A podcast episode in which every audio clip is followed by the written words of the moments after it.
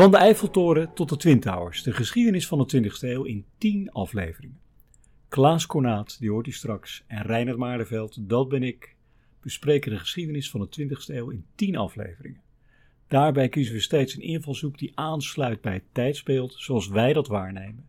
Het is niet onze bedoeling om een volledig historisch overzicht te geven. We hebben voor elke aflevering wel een route uitgezet, maar we voelen ons vrij om zijwegen in te slaan, pas op de plaats te maken of juist op topsnelheid langs memorabele plekken te zoeven. We doen het namelijk voor ons plezier, maar we hopen natuurlijk dat jij het ook aardig vindt. Klaas is historicus en auteur en verzamelaar van drukwerk met als specialisatie geïllustreerde tijdschriften en politieke prenten. Reinhard is historicus en uitgever van geschiedenis.nl en geschiedenisleraar.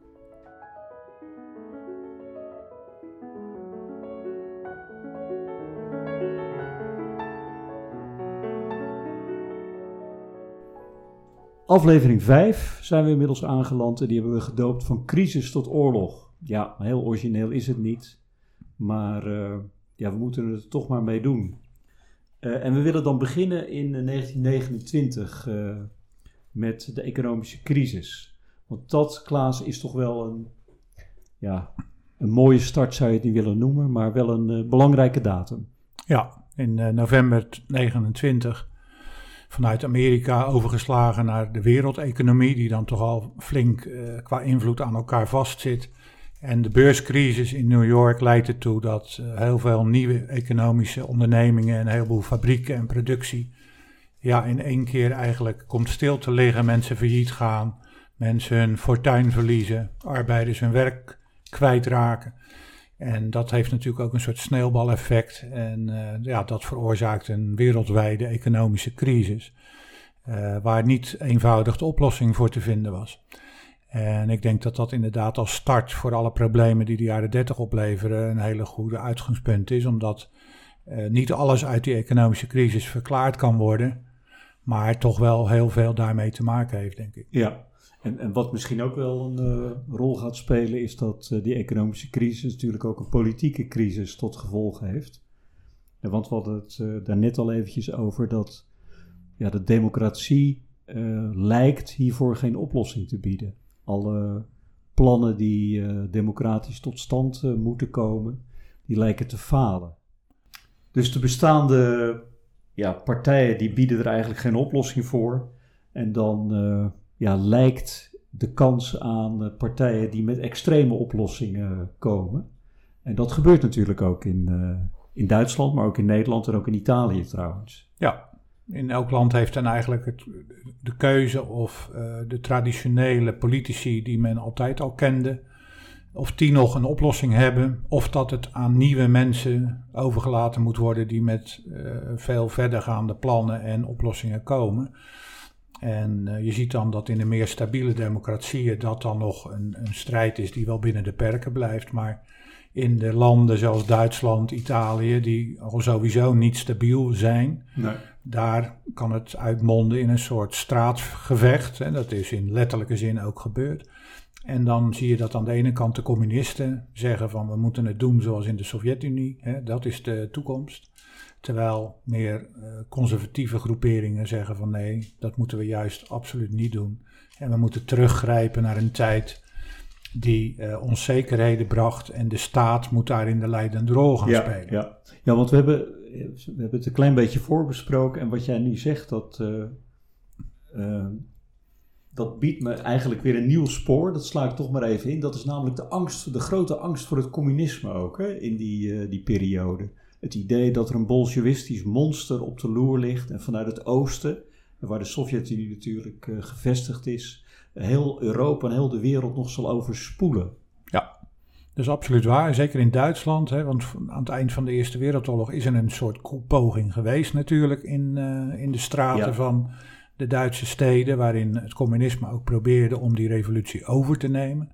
Die is mislukt, maar daarin had men wel definitief de angst aan overgehouden dat die krachten in Duitsland ook heel manifest en heel krachtig zouden kunnen zijn. En er waren dus hele belangrijke maatschappelijke machten die daar enorm tegen en enorm bang voor waren ook en enorm tegen waren. En die hebben een soort pad geëffend voor die ja, reactionaire revolutie die in Duitsland uiteindelijk heeft plaatsgevonden.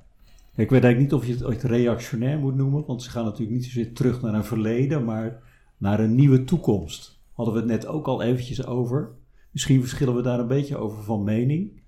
Maar je kan, ja, Hitler toch uh, is een revolutionair.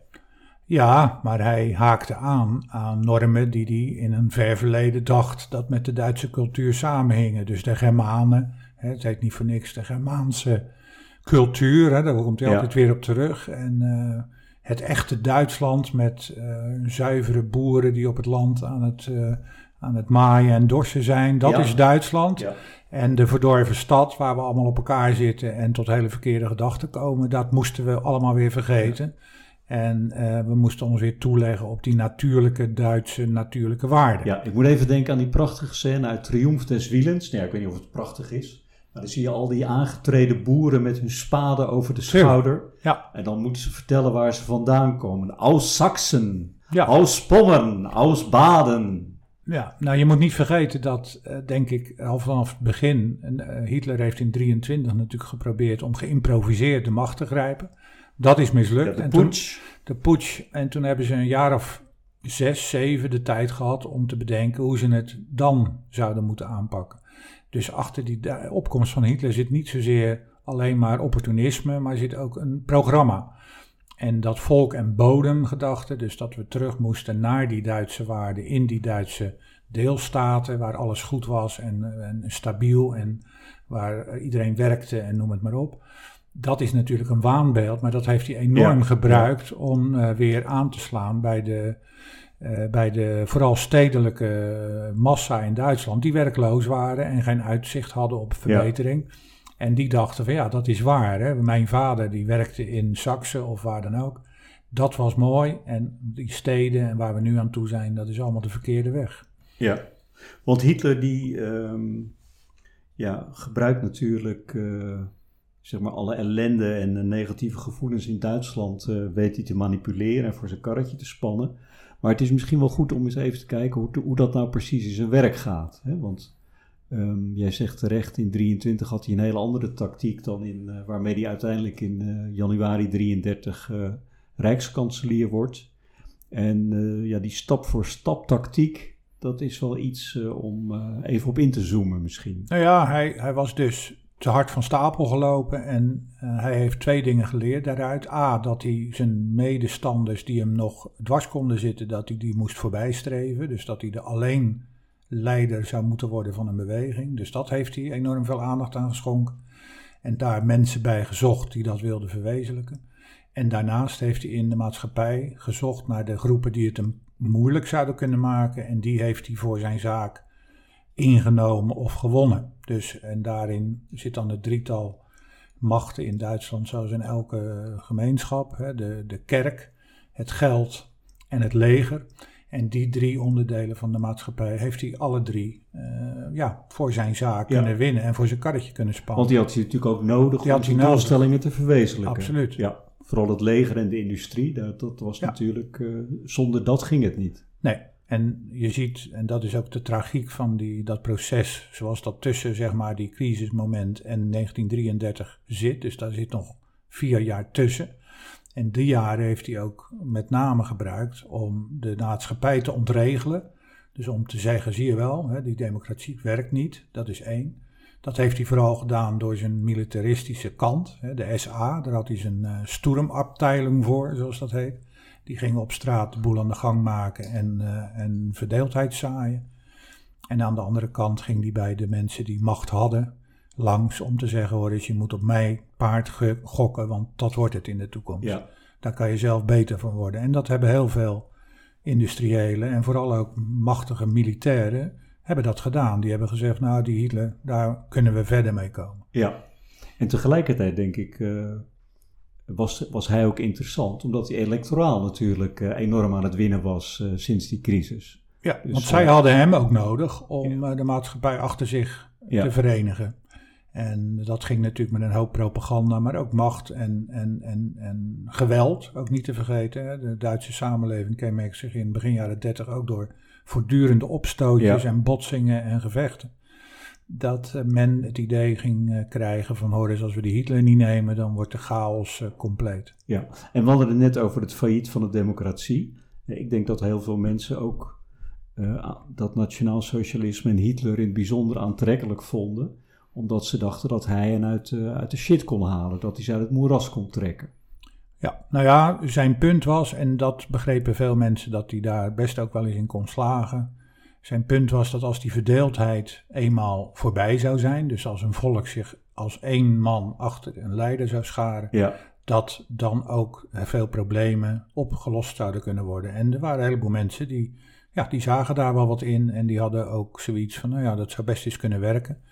En in eerste instantie, zo eerlijk moeten we ook zijn, uh, in midden jaren 30 leek het er ook op dat hij daar gelijk in zou krijgen, omdat veel grootschalige projecten die de overheid startte er ook voor zorgden dat die, die werkgelegenheid mondjesmaat, maar dan toch weer langzaam terugkwam.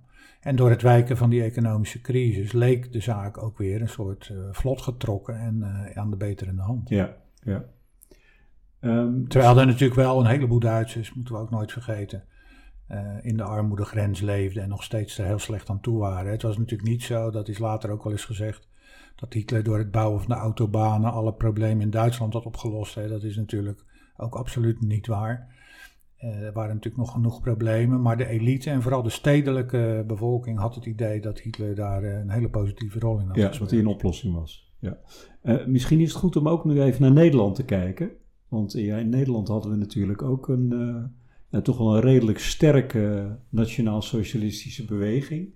Maar die was een beetje gefragmenteerd. Er waren allerlei kleinere partijtjes. Ja, je had vanaf de jaren twintig uh, allerlei meer op het fascisme gestoelde bewegingen gehad. Ja, die hadden het nooit eigenlijk goed gedaan. En zoals al die splinterbewegingen gingen die dan vaak weer ten onder aan onderlinge ruzies en, en gedoe. En in 31 zie je dan dat uh, ja, een, een, ingenieur een beweging op het uh, Duitse model sticht. En de NSB, uh, eh, de Nationaal Socialistische Beweging, die, ja, die had het best voor elkaar. In die zin dat het in de eerste jaren veel mensen aansprak. Ja. Ook natuurlijk door de gebeurtenissen in Duitsland. En, ja, en Italië natuurlijk. En Italië. Dus op een gegeven moment had die NSB best een aanhang. Uh, van, van een zetel of 5, A7, A10, weet je wel, die, die richting ging het op. En dat is natuurlijk best een uh, soort succes voor een splinterpartij, uh, of voor een partij die daarvoor nog niet bestond. Vooral als je beseft dat iedereen gebonden zat aan die zuilen en eigenlijk heel braaf achter hun club altijd aanstemde. De katholieken en de gereformeerden en de socialisten. Ja, precies. Ja. Die, die, die stemden natuurlijk altijd voor de partijen. Hè? Die, die, die zwevende kiezer bestond eigenlijk nog niet zo. Nee. Maar een echte nationaal-socialistische revolutie, dat heeft hij nooit gedreigd, uh, denk ik, in Nederland. Nee, nee, dat geloof ik niet, omdat uh, aan de ene kant die, uh, die stemplicht die aan die zuilen vastzat toch heel streng was. En katholiek in het zuiden van Nederland ging toch niet zo snel op een andere partij stemmen dan de Rooms-Katholieke Staatspartij, wat echt in de kerk werd voorgeschreven natuurlijk. Dus dan moest je toch wel uh, behoorlijk zwervend zijn om dat te gaan doen. En dat gold natuurlijk voor die andere partijen ook. En je had natuurlijk aan de progressieve kant een hele sterke links-democratische beweging, de SDAP, die vrij sterk was. En ook die uh, kozen niet voor, de, voor die NSB. Hè. Nee, die die nee. probeerden daar op alle mogelijke manieren ook voor te waarschuwen dat dat de verkeerde kant op was. Dus in, eh, na het aanvankelijke succes van de NSB is dat midden jaren 30 toch ook wel weer uitgewerkt. En, en natuurlijk krijgen ze weer een opleving uh, tijdens de bezetting. Maar eind jaren 30 waren ze bepaald niet meer de enorme beweging die ze eerst zijn, waren. Zijn ze over het hoogtepunt heen. Um, laten we er even terug gaan naar Duitsland. Um, want waarom is uh, Hitler dan toch wel succesvol? Wat, wat is er in Duitsland anders dan in Nederland waarvan je zegt, ja, maar dit heeft hem wel enorm uh, geholpen. Even afgezien van de persoonlijke verschillen misschien tussen Hitler en, uh, en Mussert. Nou, de crisis, hoewel we in Nederland natuurlijk ons enorm uh, voor de kiezer kregen, maar toch, de crisis was nergens zo vernietigend als in Duitsland, omdat na de Eerste Wereldoorlog had die economie, die was nog net opgekrabbeld en was nog heel fragiel. En uh, heel ingrijpend in de samenleving. En die kreeg echt een soort genadeklap. Dus in Duitsland lag die crisis ook nog wel dubbel zo zwaar. Zo'n beetje in de samenleving, denk ik, uh, dan in Nederland. En ten tweede waren die tegenstellingen in Duitsland natuurlijk veel scherper en was er veel meer een, een, strijdcultuur tussen groepen, ook op straat. Hè. Veel dingen werden anders dan in Nederland natuurlijk op straat uitgevochten. Ja. En ja, vooral in de steden leidde dat tot, uh, tot een heel andere sfeer dan in Nederland. En misschien ook de tegenstelling, uh, we hebben het al even over gehad, jij noemde dat al, tussen communisten en, uh, en, en, socialisten. Dus de SPD en de KPD, waarbij de socialisten nog steeds ja, door de KPD'ers, de communisten, als verraders werden gezien omdat ze die Spartacus-opstand hadden vermorzeld in januari 1919. Nou, ik denk dat je daar een goed punt hebt. Ik denk dat aan de Hitler zijn kant, die had onder andere uit die poets geleerd dat als, hè, wat ik al zeg, dat hij al zijn vrienden moest nagaan of ze wel onvoorwaardelijk hem zouden volgen. Ja. Dus die rechtse beweging, die was ja, redelijk gesloten. Terwijl de linkse krachten waren enorm verdeeld en streden meer tegen elkaar dan met elkaar. En dat heeft in Duitsland denk ik ook wel de doorslag gegeven, afgezien van het feit dat op een gegeven moment Hitler ook werd, voor vol werd aangezien in kringen van hoge militairen, in kringen van uh, groot industriëlen, in kringen die uh, allemaal aan de touwtjes aan het trekken waren. En die hebben hem een soort ja, de weg gebaand om te zeggen van nou jongen, uh, ga jij het maar doen. En die hebben ook geloofd, daar ben ik van overtuigd, dat ze hem zouden kunnen manipuleren of in, in de hand zouden kunnen houden. En daar hebben ze zich denk ik, enorm in misrekend. Omdat op het moment dat Hitler eenmaal aan de macht kwam, heeft hij zijn straatgevecht troepen, zeg maar, uh, kalt gesteld, om het maar eens zo te zeggen. En is hij zelf volledig de leider en aan de macht gekomen. En dulde hij eigenlijk geen enkele tegenpartij meer. Nee, ik denk dat dat wel een uh, belangrijk, um, ja, ik wou zeggen positief punt, maar dat klinkt een beetje gek. Maar in ieder geval een kracht van Hitler is geweest. Hè, dat hij inderdaad mensen op de kar heeft eh, geladen die hij nodig had op een bepaald moment. Maar die, zodra hij ze weer kon missen, er ook weer keihard van afgeschopt heeft. En die uh, straattroepen, de, de SA, onder leiding van de gebroeders eh, Strasser en Ernst Reum, dat is daar wel een, een, een, enorm voorbeeld van. Ja, toen had hij echt de macht in handen, kon hij ook het leger aanspreken, had hij ook ja, de, de matige jongens had hij uitgeschakeld en toen had hij ze niet meer nodig. En toen zag hij ze gelijk, terecht vanuit zijn optiek, als concurrenten en als gevaarlijke lieden die hem ook nog wel eens dwars zouden kunnen zitten. Dus hij heeft toen in juli 1934, dus ook al heel vroeg, besloten om, uh, om ze af te schaffen, zullen we zeggen. En dat is in zijn ogen natuurlijk niet dat hij de ruzie mee ging maken, maar die heeft hij toen in één nacht uh, duidelijk gemaakt door het uitschakelen van hun leiders en op een andere manier dat dat klaar en over was en dat hun macht voorbij was. Ja. En dat, is, uh, ja, dat zou in geen enkele andere samenleving uh, natuurlijk op die manier hebben gekund. Maar in Duitsland in 1934, zo zie je hoe ver we toen al waren, was dat mogelijk zonder dat hij daar natuurlijk door wie dan ook nadelig op werd aangesproken. Ja, ja. En misschien komt dat ook wel doordat eigenlijk al vanaf volgens mij 31, 32 er niet meer echt een parlementaire meerderheid is. Dus je zou kunnen zeggen dat die Weimar-republiek dan al een beetje aan het uh, uh, wordt uitgekleed. er is dan al een machtigingswet waarbij de rijkskanselier zonder een parlementaire meerderheid kan regeren. En Hitler die bouwt dat, als hij in januari 33 aan de macht komt, nog verder uit. Want misschien is dat ook wel een interessante vraag. Hè? Is Hitler nu een democratisch gekozen persoon die een scheef schaats heeft gereden? Of kun je eigenlijk dat hele proces van uh, benoeming tot rijkskanselier, rijkskanselier al als antidemocratisch of ondemocratisch beschouwen. Nou, wat je vaak ziet bij ondemocratische bewegingen die succes hebben, is dat ze juist die democratische spelregels gebruiken om hun, hun plaats te veroveren en om hun macht te verwerven. En dat is Hitler het schoolvoorbeeld van. Hij heeft natuurlijk gedacht, ja, met geweld, dat heb ik al eens geprobeerd dat mislukt, want dan gaat het te snel en dan zijn er allemaal mensen die tegen mij in het harnas kunnen worden gejaagd. Dat doe ik door gewoon in het parlement te gaan zitten en die regels te gebruiken om het systeem te ontregelen. En dat heeft hij natuurlijk optimaal benut. En mensen als Goebbels en anderen hebben daar natuurlijk een bewuste strategie op losgelaten. Die hebben gezegd, dat gaan we doen en zo zal het gaan. En tot uh, schade en schande van de hele wereld is dat helaas uh, op dat moment gelukt. En vervolgens hebben andere landen, dat is natuurlijk ook hoe je dat moet zien, weer niet op waarde geschat. Het gevaar van Hitler is natuurlijk in het buitenland ook. We hebben ze bedacht van, nou ja, dat die is democratisch aan de macht gekomen. Ja. Dus hij zal ook democratisch wel weer worden gekeerd.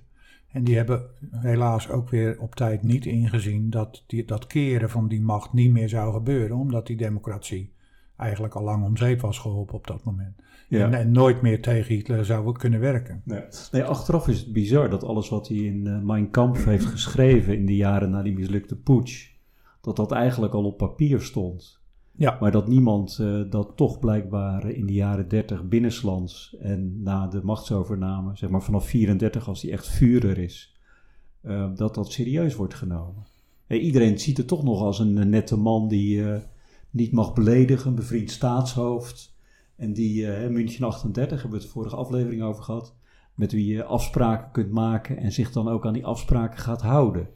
Nou, ik denk wel dat er natuurlijk in de, in de wandelgangen bij de westerse macht uh, wel, men het wel besefte wie Hitler was. Hè, dat het, dat het, wat die, maar ze konden natuurlijk nooit de voorkennis hebben van wat er tijdens de Tweede Wereldoorlog uiteindelijk is gebeurd. Die kennis hadden ze natuurlijk niet.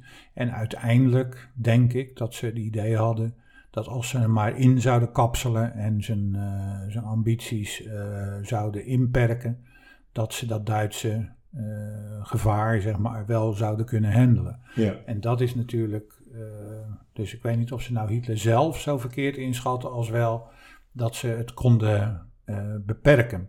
En dat ze niet hebben ingezien dat hij een enorme macht zou ontketenen en ook een enorme economische kracht had daarachter. Ja, ik denk dat ze dat vooral enorm hebben onderschat. Ja. En dat dat ook niet te keren was als je daar uh, een keer mee ging praten. Uh, dat daar andere middelen voor nodig zouden zijn. En dat is helaas wel, uh, wel verkeerd ingeschat, denk ik. Ja. ja. Hey, we moeten even door naar wat, wat Hitler doet als hij in januari 33 rijkskanselier wordt. Dus we krijgen dan die, ja, die opmaat zeg maar, naar de laatste verkiezingen van maart 1934. En daarna komt er een noodwet waar waarbij de Rijksdag zich eigenlijk zelf uh, ja, ontbindt, althans niet meer van belang is. Hitler krijgt vier jaar de tijd om ja, ingrijpende maatregelen te nemen. Het volk en de staat zijn in nood. En dan begint eigenlijk de, de, meteen de, de opbouw en de uitbouw van de nationaal-socialistische staat. En ook de anti-Joodse maatregelen worden dan uh, meteen ingezet. Misschien moeten we daar ook eventjes op. Uh, nou ja, we zijn steeds achteraf, denk ik, dat is wel uh, terecht natuurlijk, dat we achteraf ons verbazen hoe dat allemaal heeft kunnen plaatsvinden. Achteraf uh, lijkt dat zo, maar het gekke is, dat is natuurlijk bij al die processen, dat die geleidelijkheid, die moet je daar altijd bij halen. Dat natuurlijk nooit, er zijn wel incidenten en er zijn wel momenten dat het er echt om gaat, maar het is wel zo dat als je Hitler vanaf 29 tot 39, hè, dan hebben we het toch ook gewoon over 10 jaar. En dan is die geleidelijkheid is heel giftig. Hè. Ja, hij deed het nooit ineens, hij deed het nooit massaal. Er is nooit een moment geweest uh, dat er opeens iets plaatsvond wat daarvoor niks was. Nee, het, is, het zijn altijd langzaam werkende maatregelen die, uh, die de samenleving totaal hebben veranderd. En dat is natuurlijk bij het anti-Joodse wetten ook zo geweest. Hè. Mensen werden eerst... onteerd, zou je kunnen zeggen. Het respect in de samenleving verloren ze. Dan verloren ze hun inkomen door hun banen en hun uh, werkkring weg te slaan. Ja. En vervolgens hadden ze ook geen uh, aanzien of plaats meer in de samenleving. Hè. Ze mochten op een gegeven moment ook nergens meer aan deelnemen. En dat is natuurlijk fase 1. Voordat mensen worden opgepakt en afgevoerd en noem het maar op. Zeg maar het brandmerken en het uitsluiten. Het uitsluiten, dat is het belangrijke. En in het buitenland is dan misschien het wel zo dat mensen daar ook eenvoudig hun ogen voor sluiten. Dat ze zeggen van ja, dat is wel zo in Duitsland, maar ach, hè, dat, het is allemaal nog niet zo erg. En dan pas wakker worden als uitsluiten ook uh, vernietigen wordt. En dat is natuurlijk vooral bij de jodenvervolging aan de hand. Dat je achteraf verbaast hoe ooit zoiets heeft kunnen plaatsvinden. Maar aan de andere kant uh, moet je ook beseffen dat de afloop de mensen nooit bekend was op dat moment. En dat die geleidelijkheid ook heel veel mensen de ogen heeft uh, gesloten. En ook daar blind voor hebben gemaakt. En dat maar een klein aantal mensen, die in Duitsland natuurlijk vaak tot de culturele top hoorden, of, de, of mensen die werkelijk inzicht hadden in die verhoudingen, die hebben al in 334 gezegd van ja, dit gaat helemaal dit mis. Ja. ja, die, die stemmen waren er wel natuurlijk. Tuurlijk, die zijn er wel, maar die waren ook weer uit de samenleving weggegaan, omdat ze de dat zie je natuurlijk in Hollywood of in andere plaatsen. Daar komt opeens een enorme golf van Duitse regisseurs, Duitse acteurs en actrices. en ja. die, hele, die hele top die verhuist naar de Verenigde Staten en naar andere plekken, in Parijs, hè, die, die gaan gewoon weg. Want die hebben zoiets van, ja, maar dat gaat helemaal mis hier. ja. ja. En eh, dat is, vind ik ook heel mooi weergegeven als we het nu toch over film hebben. Wat daar gebeurt in de Duitse samenleving in de blechtrommel. Hè, het, het trommelende jongetje van Günter Graas. Dat is een prachtige film. En daar zie je in dat, dat de, de vader van, eh, van Oscar. Die is eigenlijk een soort intellectueel. En die, in het begin van de film is dat een man die duidelijk de leiding een soort heeft in een familie. Hè, daar wordt naar geluisterd. Terwijl, terwijl de jaren dertig dan plaatsvinden, dan heeft hij een domme oom.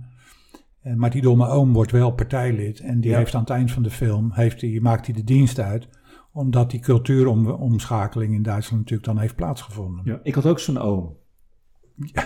Ja, vertel eens.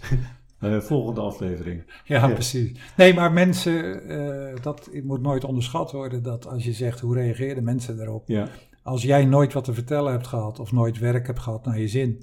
En opeens is er een samenleving ontstaan waarbinnen Ja, jou een plaats wordt gegund. En ge- dat je het ergens het zeggen krijgt, hoe kleinschalig ook. Ja, dat is voor jou en dan worden je ogen geopend. En dan ben je eigenlijk Ja. bereid om alles te doen. Ja, nou ja, we hadden, we hadden het in de aanloop hiernaar ook nog over dat boek van eh, Klein en eh, Robin de Sla. Edwin Klein en Robin de Sla. Waarin zij heel sterk de nadruk leggen op eh, het hoopaspect van het nationaal socialisme. Dus we kunnen het nationaal so- socialisme alleen maar verklaren, althans de massa-aanhang. Het eh, nationaal socialisme als massabeweging. Als je er ook eh, een beweging in ziet die mensen hoop bood. En dan kan je natuurlijk zeggen, ja, die hoop is natuurlijk vals. Dat, daar, dat is natuurlijk vanzelfsprekend achteraf. Maar op het moment zelf, die oom die jij nou noemt, altijd onderknuppel geweest. En die krijgt nu ineens de kans om eh, baas te worden. En al die woede en die frustratie kan hij ineens omzetten in, eh, in zijn ogen een enorme sprong. Ja. En ik denk dat dat wel een... eh, Ja, want je moet ook niet vergeten dat, eh, want er wordt wel eens teruggewezen naar die Eerste Wereldoorlog. Maar in de sentimenten speelde dat een rol. Duitsland had natuurlijk verloren. In twintig jaar hadden ze de crisis meegemaakt, allerlei dingen die misliepen. En ineens had Hitler de, de, ja, de illusie kunnen postvatten. En het hele Duitse volk dat ze weer meetelde en dat de Duitse cultuur zich weer had opgericht.